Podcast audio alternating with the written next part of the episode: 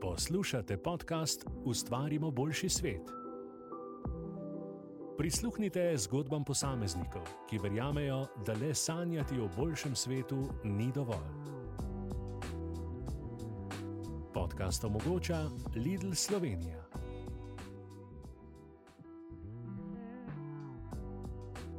Tudi pri vas velja, da je dom tam, kjer se dlake držijo vsega, še najmanj psa ali mačke.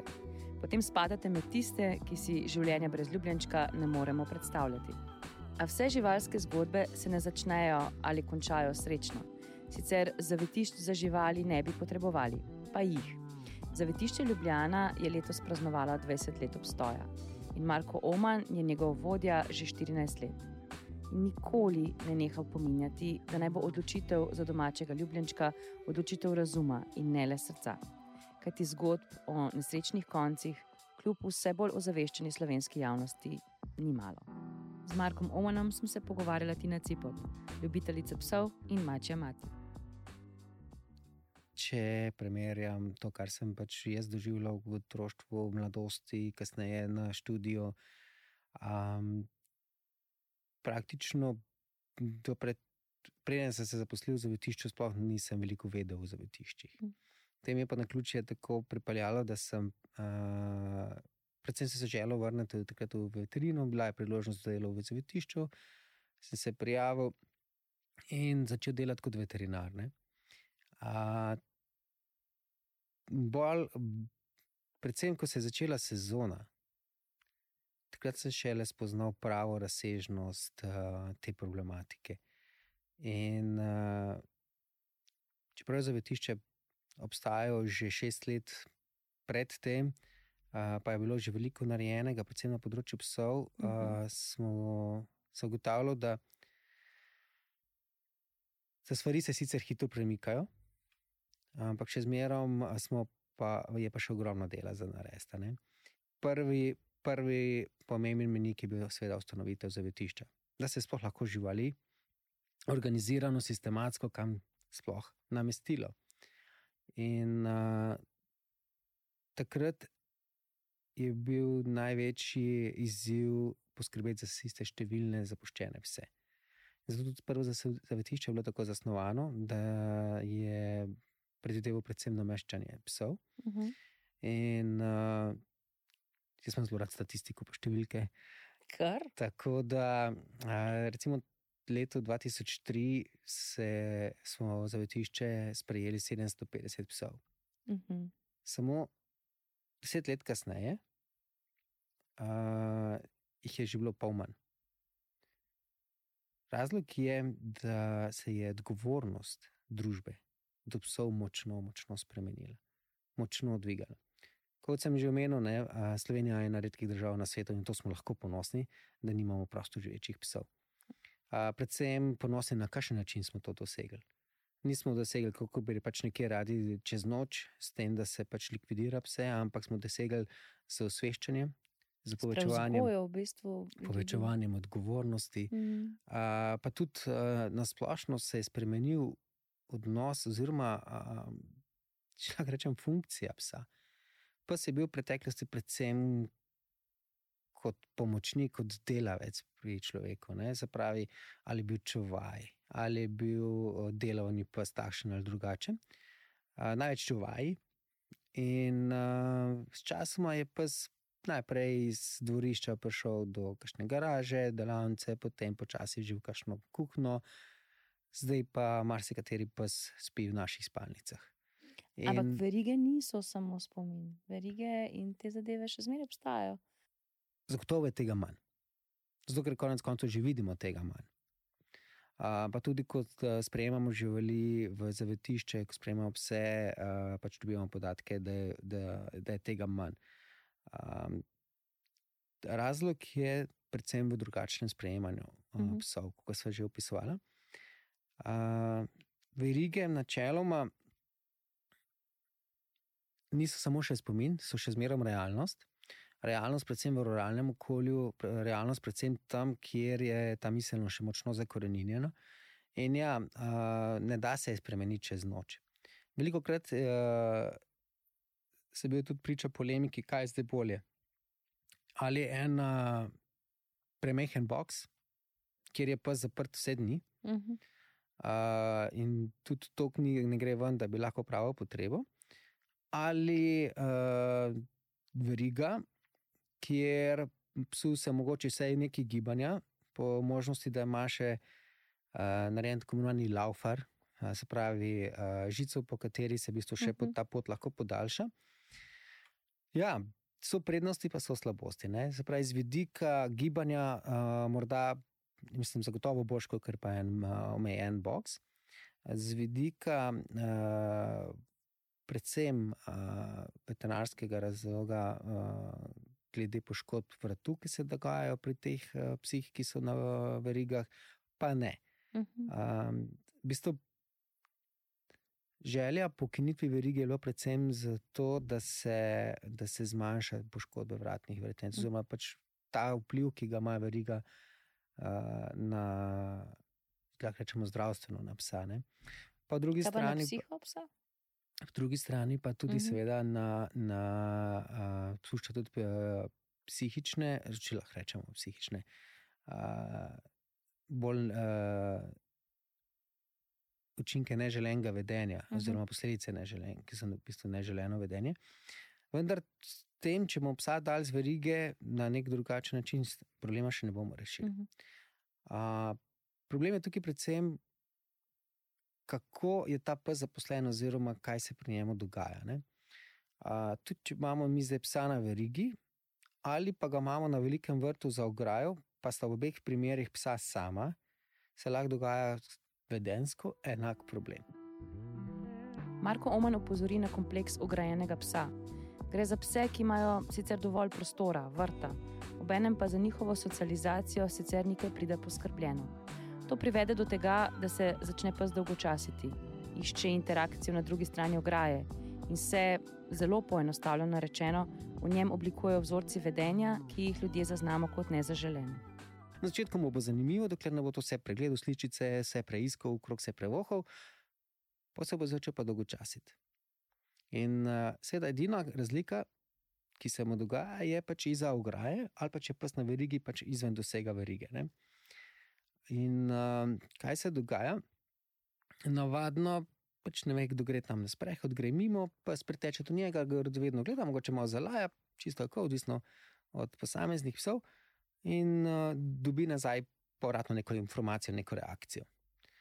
In uh, ponovadi se vemo, če se kdo prestraši, odskoči, uh, pa potem odide naprej. Uh mhm. -huh. Pa zdobi informacijo, no, če malo reagira na njega, on gre. Naslednjič malo bolj reagira, da ima še močnejšo reakcijo nazaj. Na koncu to pripelje tako daleč, da pes uh, pač mu je to edina zabava, če lahko rečem, se pravi, neka popestritev.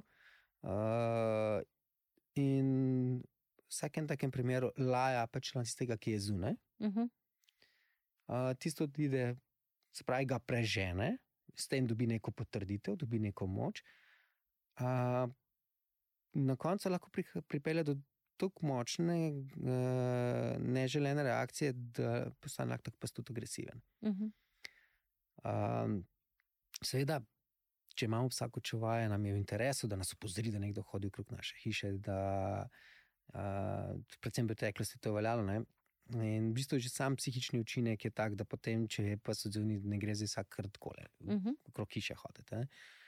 Čeprav uh, postajajo danes bistveno cenejši, pa bistveno bolj učinkoviti drugi sistemi. Drugi varnostni sistemi. Ja, ki delujejo tudi takrat, ko mi spimo, pa takrat, ko nas ni doma in tako naprej. Tako da je boljš imeti to, če že potrebujemo. Kar se pa psa tiče, pa ja, problem, da nastane, da potem ta pes ne razlikuje več med tistim, kar je v redu, pa med tistim, kar pa ni v redu. Ne? In recimo, se enkrat pozabi vrata odprta. In zdaj, prej je bil pes tako zaščiten za ograjo, na drugi strani lahko tudi drugi pes, ki mu kontrareagira in pa se v bistvu ta napetost stopnjuje, pa pa se naenkrat vrata odprta in se psa sreča. Ali pa ne tudi sreča s človekom, komorkoli recimo poštari. In takrat je pa vprašanje, kakšna bo reakcija. Uh. In v takih primerih potem doskrat pripelje do, do lahko rečemo, grizov, do tistih neželenih situacij. In uh, takrat pa se dvigne roke, in uh, veliko krat potem dobimo popraševanje, da bi takšnega psa predali v zavetišču. Dobite kakšnega psa za zavetišče Ja, s takim, bom rekla, diagnozo? Vse oziroma- več je takšnih, zato v bistvu tudi tako opisujem ta primer, zaradi tega, ker je vse več, vse več, uh, če gledam po deležu, ne, Mhm. vse več uh, popraševanj, uh, da se pač preda psa, to je najlažje narediti v zavetišče, kjer se potem pa naj oni ukvarjajo s tem. Se pravi, v bistvu smo od neke odgovornosti, ki smo jo prej opisovala, odgovornost človeka do, do psa, ali pa predvsem smo zdaj pri psih, no, uh, v smislu potepuškega, nekega ravnanja z njimi, neke funkcije, ki ste jo prej eh, poim- poimenovali delovna funkcija v samem nekem družinskem uh, konstruktu.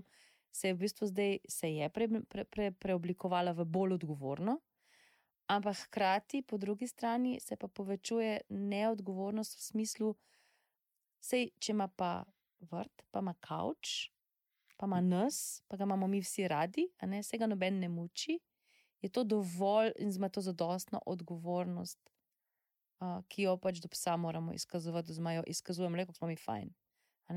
Hkrati pa to še zmeraj ni odgovorno, um, ker je neodgovorno napram zunanji okolici, neodgovorno do samega psa, če ga ne vzgajaš, če se z njim ne ukvarjaš.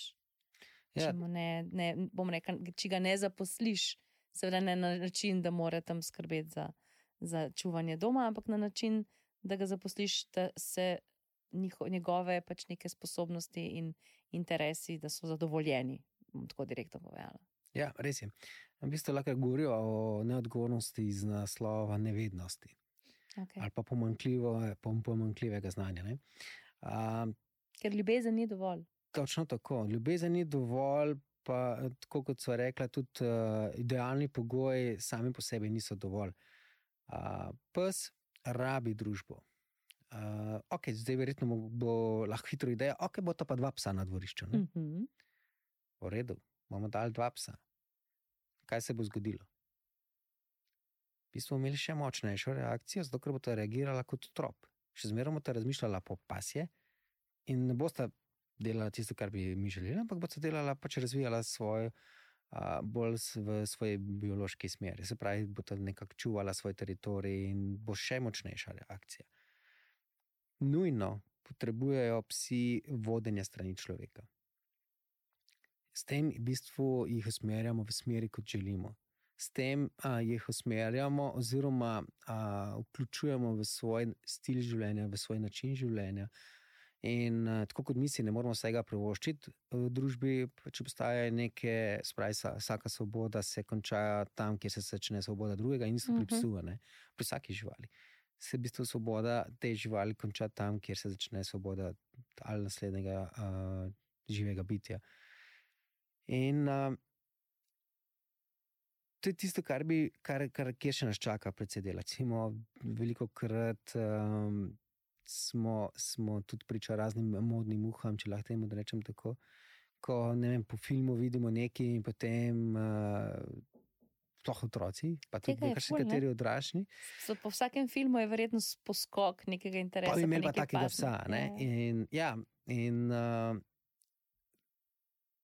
glavna napaka, ki jo to v splošnem življenju delamo, je, da izbiramo z očmi.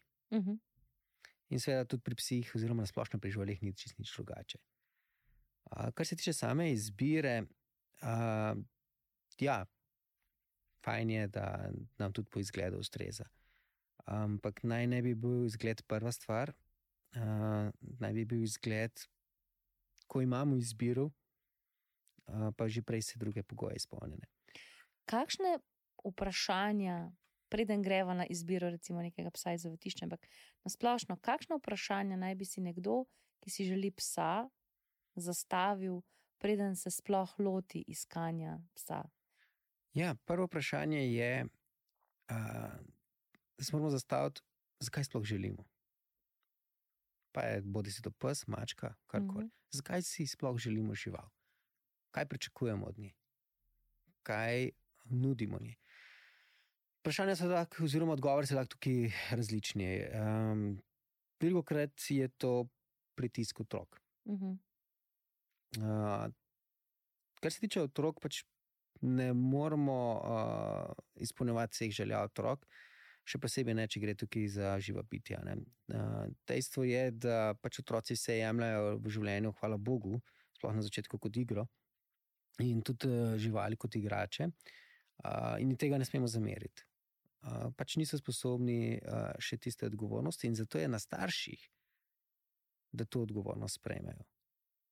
Ne morejo pričakovati od roka, da bo vem, skrbel za žival, če še zase ne more. In uh, otrok je pač lahko tukaj, seveda, postransko zadovoljstvo, uh, v glavnem pa moramo biti sami, kot starši, prepričani, da si to želimo, uh -huh. da to smo sposobni izvesti in uh, tudi pričakovati, da bo zdaj težko, pa takrat stisnjen zobe. Uh, drugo, kar je. Da zbiramo žival, ki nam je všeč, ki smo nekaj videli, pa zato, ker ima prijateljica, pa ker ima sosed, sploh slovenska zavista, ne? in pol, če ima sosed, jaz tudi moram imeti. Uh, ne, nikoli ne izbiramo živali zaradi drugih, vedno jo zaradi sebe. Ne glede na to, kaj nam drugi rečejo, ne glede na to, kaj nam drugi govorijo, ne glede na to, kaj si drugi mislijo, vedno si žival jemljemo zase. Mm -hmm. In moramo biti sami pripričani, da si to želimo, da sami to hočemo in da smo sposobni.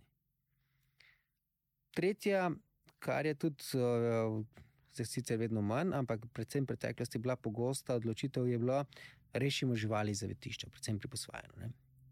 Če, pri, če rešujeva žival, eh, vedno potem zraven pride tista, bomo rekla tako, presneta, eh, presneto razmišljanje, ki se reče, o žival mi bo hvaležna. To moramo zdaj razčistiti, da pač žival, zato ker smo jo rešili za vetišča, ne bo hvaležna, ampak potrebuje enako v bistvu obravnavo,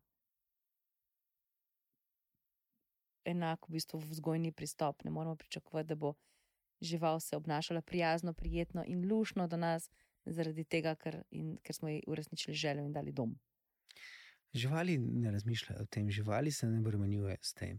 In uh, je čisto vseeno, ali žival posvojimo za vetišče, ali kupimo, ali pa uh, praktično posvojimo od prijateljev. Uh, žival nam bo v vsakem primeru hvaležna, če bomo z njo ravnali odgovorno, uh mhm. -huh. če bomo uh, izpolnjevali pač njene biološke uh, potrebe, in seveda pa to potem pač vračala, kot radi rečemo, kot hvaležnost, se pravi, nam bo naklonjena, nam bo v družbo in veselje.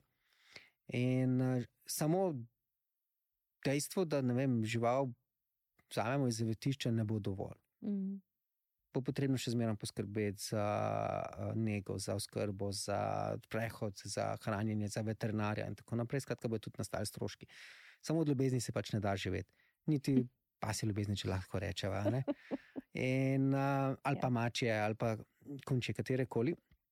In uh, ja, uh, tukaj reševati.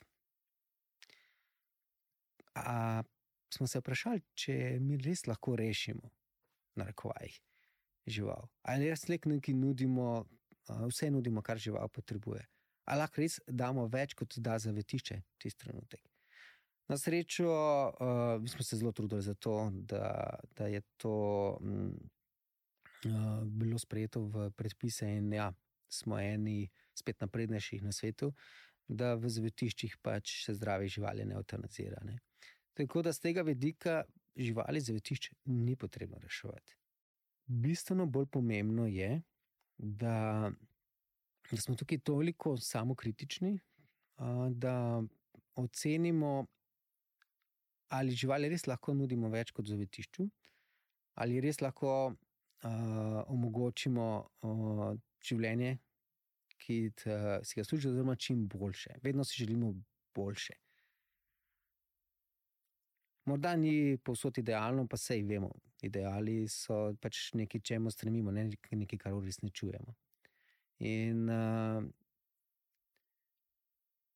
ne reševati, ampak posvojiti žival zase, posvojiti zato, ker jo želimo, zato, ker jo želimo obdržati.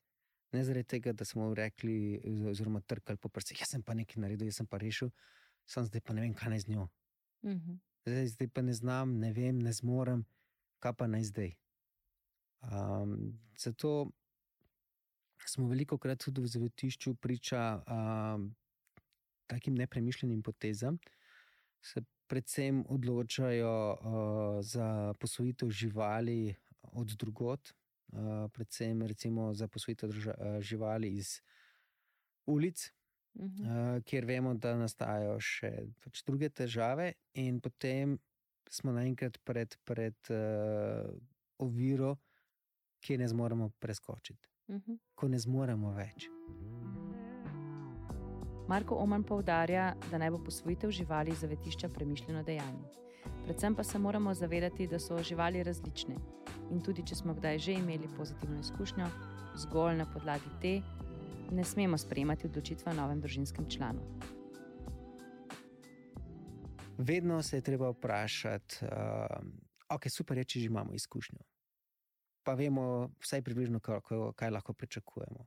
Ampak moramo se tudi zavedati, da stvari so neponovljive. Tako kot smo ljudje neponovljivi, tako so živali neponovljive. So določeni vzorci, ki se ponavljajo, ki so recimo skupni, ampak um, vsak pas, vsaka mačka, vsak konc je zase individuum. Tako kot smo mi individuum. In je zelo pomembno, da najdemo čim večje ujemanje s seboj, z svojim stilom življenja. Uh mhm. -huh. To je največji uh, uspeh. Do... Da ne podležemo Instagram filtrom, kjer pač so srečni psi in njihovi lastniki in se potepajo širom kanjonov in planin in tako naprej. In si predstavljamo, kako bi bilo lepo, da bi tudi mi tako počeli z našim kužkom, pa pa v bistvu smo srečani z realnostjo. ja, tako kot izbira partnerja, ne? če ga izbiraš samo po Instagramu, uh, slikah se lahko hitro razočara. tako da enako velja tudi za živali. Pač, ja, super je, če nam je še všeč, ampak um, pomembno je, res pomembno je, da najdemo čim večje ujemanje. In ja, um, se pri nas tudi zgodilo, da so prišli posvojiti v zavetišče psa, odšli so pa z mačko. Zanimivo. Uh, zakaj? Zaradi tega, ker uh, vsakim kandidatom se pogovorimo uh mhm. -huh. in tudi potem mu pomagamo pri izbiri. Skratka, da sam sebe pogleda, da, da pove, kaj pričakuje, da v prvi vrsti to upošteva in šele na to izbira. Uh, potem na koncu, ugotoviš, da recimo, sploh, če imaš uh, na voljo 40 mačkov naenkrat za posvojitev, je vseeno, ali je ta mačka za tigrasta, ali je črna, ali je črno-bela. Uh, pomembno je, da, da se potem odločiš, uh, namesto da psa za mačko, zato ker ti to dosti bolj odgovarja, ker si uh mhm. -huh. pač veliko od doma. Uh, zaradi tega, ker ne bi mogel psu zagotoviti, da imaš časa za pasjo šolo, pa tudi uh, na koncu gotoviš, da so ti ti dolgi sprehodi zoprni, da ti je veliko boljše, če sediš na kavču, pa počahlaš, pa se tako igraš in na tak način uh, bolj, uh, bolj strežeš živali. Ne? Taki primeri uh, so zelo pomembni, uh, da, ker naša, naša želja je, da ostanejo živali v novem domu. In uh, pač veliko energije vlagamo v to, da najdemo primernega posvojitelja, in uh, se tudi zdaj zgodi, da koga zavrnemo. Da ja, rečemo, to pa, to pa se upravičujem, da skačemo besedo, ampak to pa preberem kar na precej skupinah na Facebooku. Uh, to neko užaljenost, ker nam nekdo neko, ne, ni bil hvaležen za to, da pridemo in vam bomo rešili enega ene pasje ali pa mače duše, zato ker smo dobili tako veliko nekih vprašanj in tako naprej. To sem pa že, to sem pa že ugotovila, da smo ljudje glede tega pre, precej tako spet čustveno reagiramo, če nam nekdo postavi nekaj vprašanj.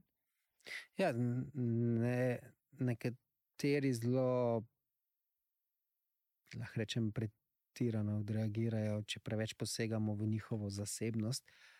A, pač to tako razumejo, če postavljamo vprašanja. A, in pa seveda pač imajo v glavi, kot smo rekli že prej, jaz, pri, jaz sem prišel rešiti žival. Ne. Če priješ tako percepcijo, je že v štartu zgrešena. In um, v takih primerih se seveda poskušamo pogovoriti, poskušamo um, osvetliti, pojasniti, kakšne zadeva.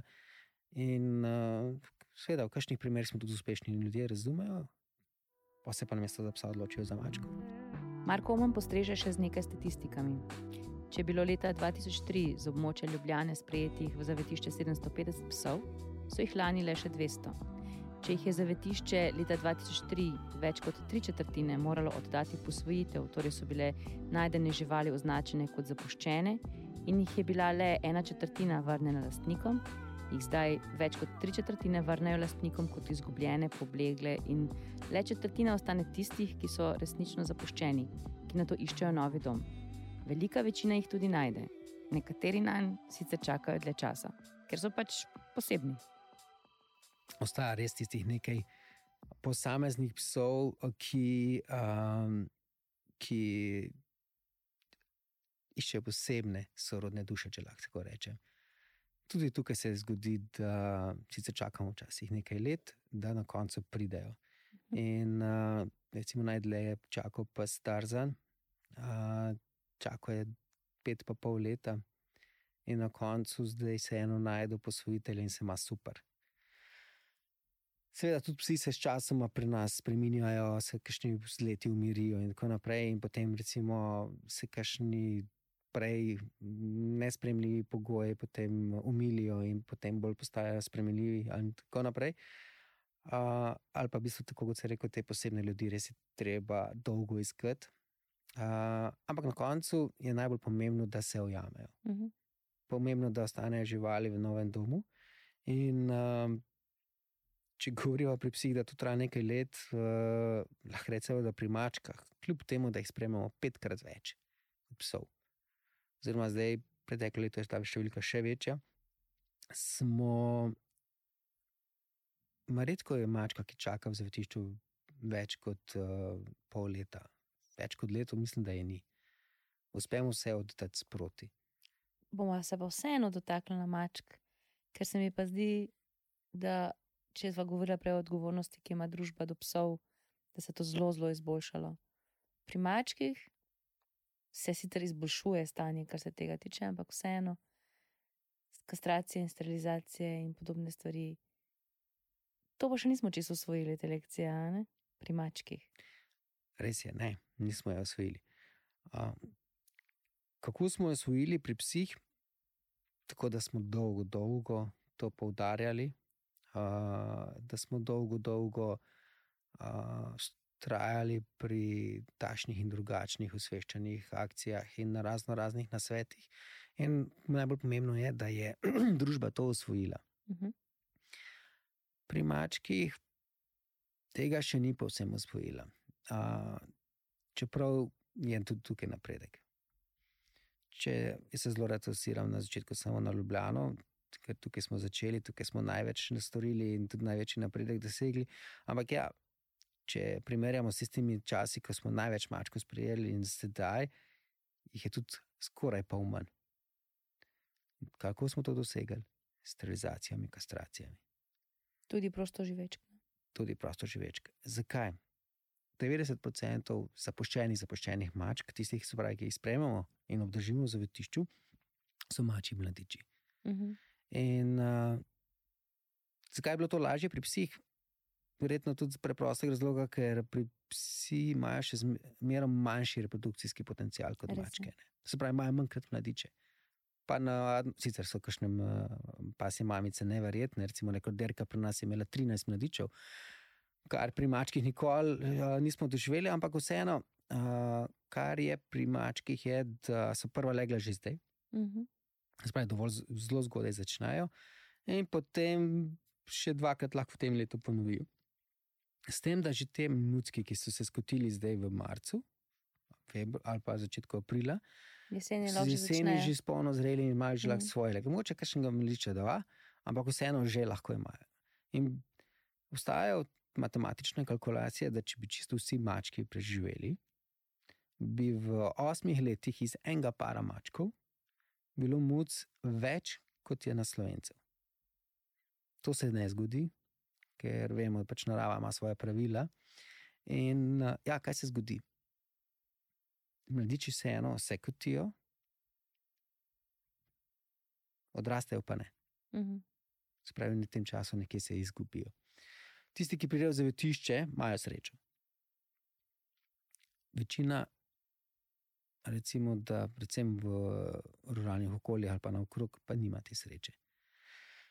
In pol uh, se lahko se srečaš z, z um, razmišljanjem, ja, pa, pa mi posegamo vmes, pa to ni naravno.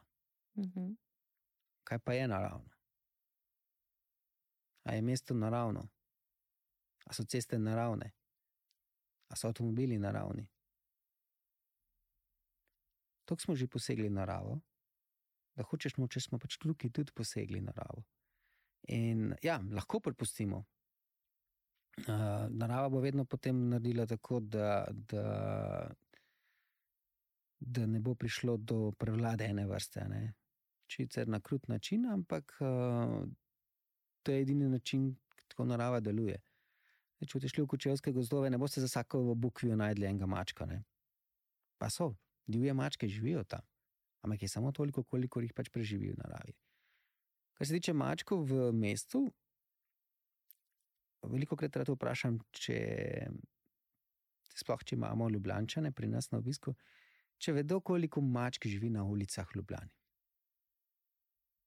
Pa so jim različna ugibanja, od nekih sto do nekaj tisoč. Naša cena je, da več kot deset tisoč. Wow. In um, povzročijo, ja, kje je, saj pa jih ne vidim tako. Ja, zato, ker so tukaj razdrobljene, predvsem pa zato, ker so to mačke, ki so samo oskrbne, ki se večinoma gibljajo po noči ali v večernih urah, pa na določenih lokacijah. Se pravi, stran od večine oči. Mladiči, nekako po naravni zakonitosti, jih več kot 70% ne preživi niti pol leta. Zunaj. Ja, zunaj.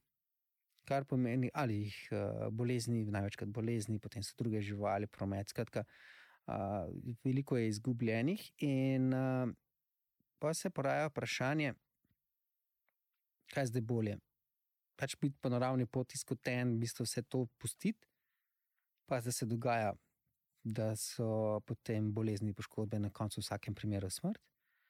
Ali uh, pač posežeš vmes, poskrbeti za to, da, da so živali potem neč slabše ne živijo zaradi tega, ker se živali ne bremenujejo s tem, če pač imajo odnose ali ne, spolne.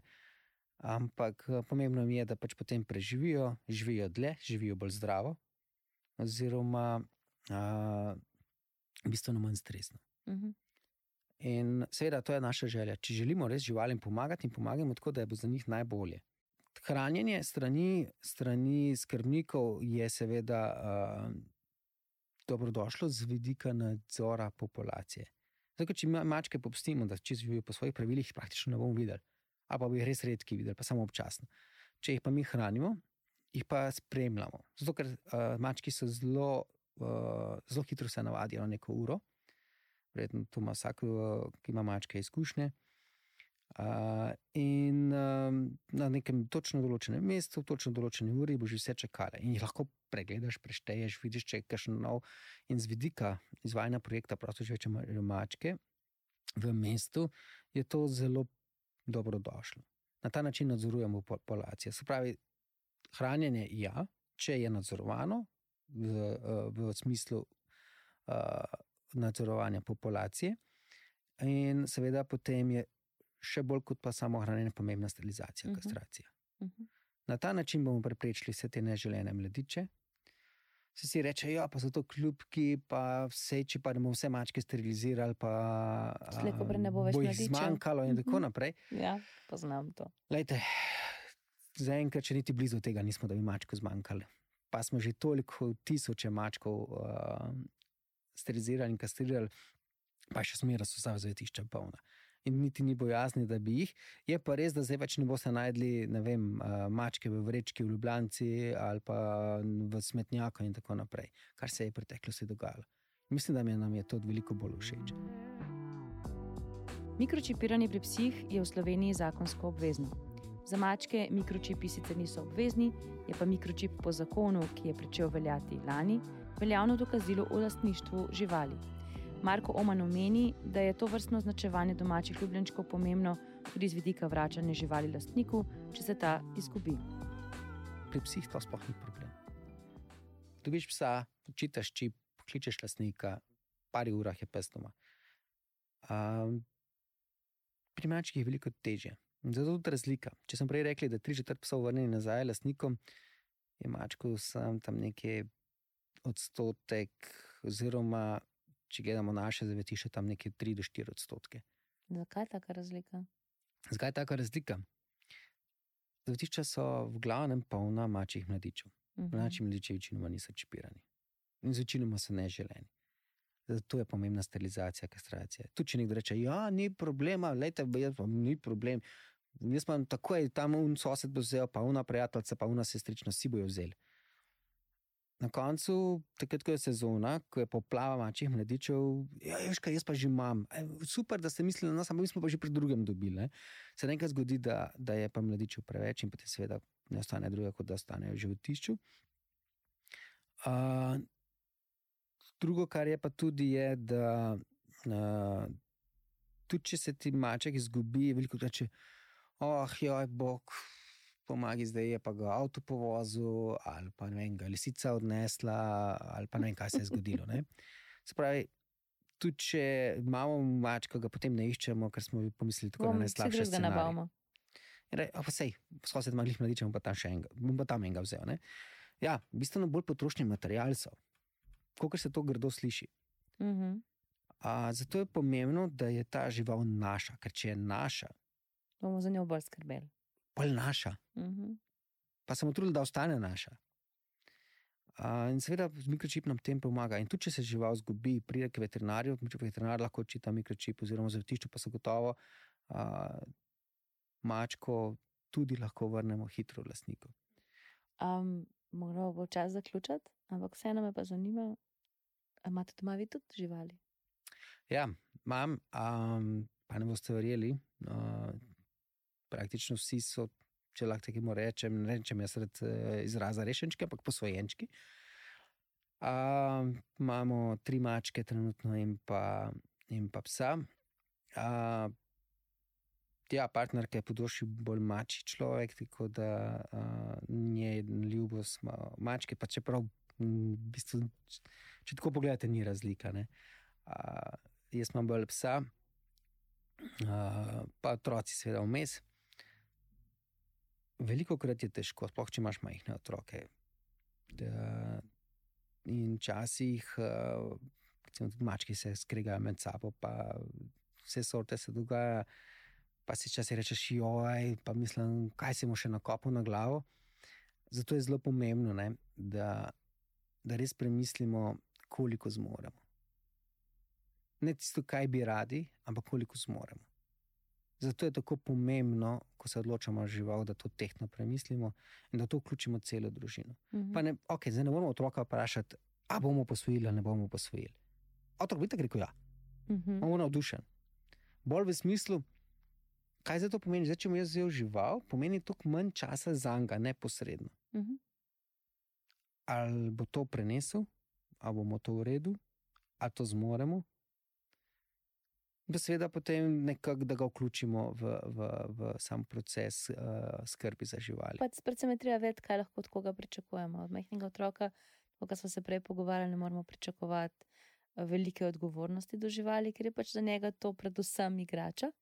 Noben otrok nima odgo usidrane odgovornosti, do, do, oziroma, ko ne rečem, uh, ok, so določene nagnjenja, so določene, uh, to, kar rečemo radi, da imamo v krvi, ne podedujemo naklonjenost.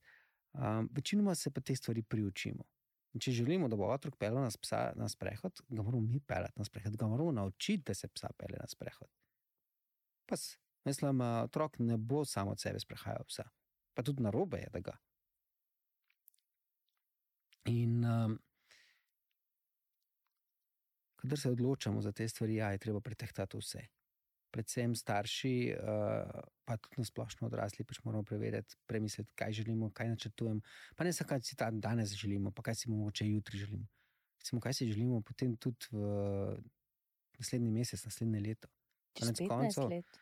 Živali živijo ja, 15 let in je treba vedeti, pač, uh, da moramo skrbeti za njo vse čas. Do konca. Ja, do konca. Na koncu, verjetno, še toliko bolj. ker nas bo takrat najbolj potrebovala.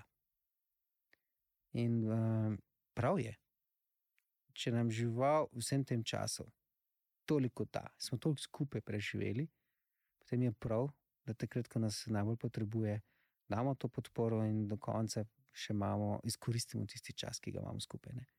In je to najbolj pomembno. In uh, imeti žival naj bo lepa izkušnja, naj bo zaželena izkušnja, ne pa usiljena izkušnja. Veliko breme. Ker na trenutke bo breme, tega se moramo zavedati. Če, če je to sladko breme, kot rečemo, jo mm -hmm. zelo radi nosimo. Ne? Če je pa to uh, grenko, pa je pač toliko bolj uh, zoprno in ja, nima smisla, da si ga nalagamo, če mm -hmm. vnaprej vemo, da ne ga želimo. In uh, jaz si želim, da, da postajamo še bolj odgovorni, da, da gremo v tej smeri, kot smo. Um, ne na zadnje zavetišče Ljubljana je zdaj veliko več kot samo zavetišče. Um, je nov, niso samo nove zgradbe, uh, niso samo uh, sodobni prostori, uh, ni boljše samo živalim. Bolje nam vsem, živalim, zaposlenim in obiskovalcem. In um, včasih sem trdil, da idealno zavetišče je prazno zavetišče. Pa sem po zaključku gradnje to mnenje spremenil. Želim si, da zavetišče Ljubljana nikoli ne bi bilo prazno. Ampak da ne bi bilo zavetišče kot zavetišče, temveč kot center, ki združuje ljudi in živali.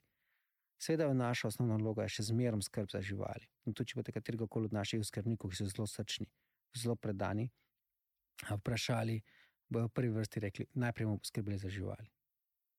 Ja, potem bomo pa še naprej se trudili za še večjo odgovornost, se trudili za to neprecenljivo izkušnjo doživetja živaljo, stika živaljo in vse v luči odgovornega skrbništva, oziroma na splošno odnosa. Mhm. Veliko krat živali nimamo, pa ne pomeni, da ne moramo biti odgovorni do njih. Pomembno je, da takrat, ko vidimo, da je žival v stiski, tudi če je nimamo, da ravnamo odgovorno in pomagamo.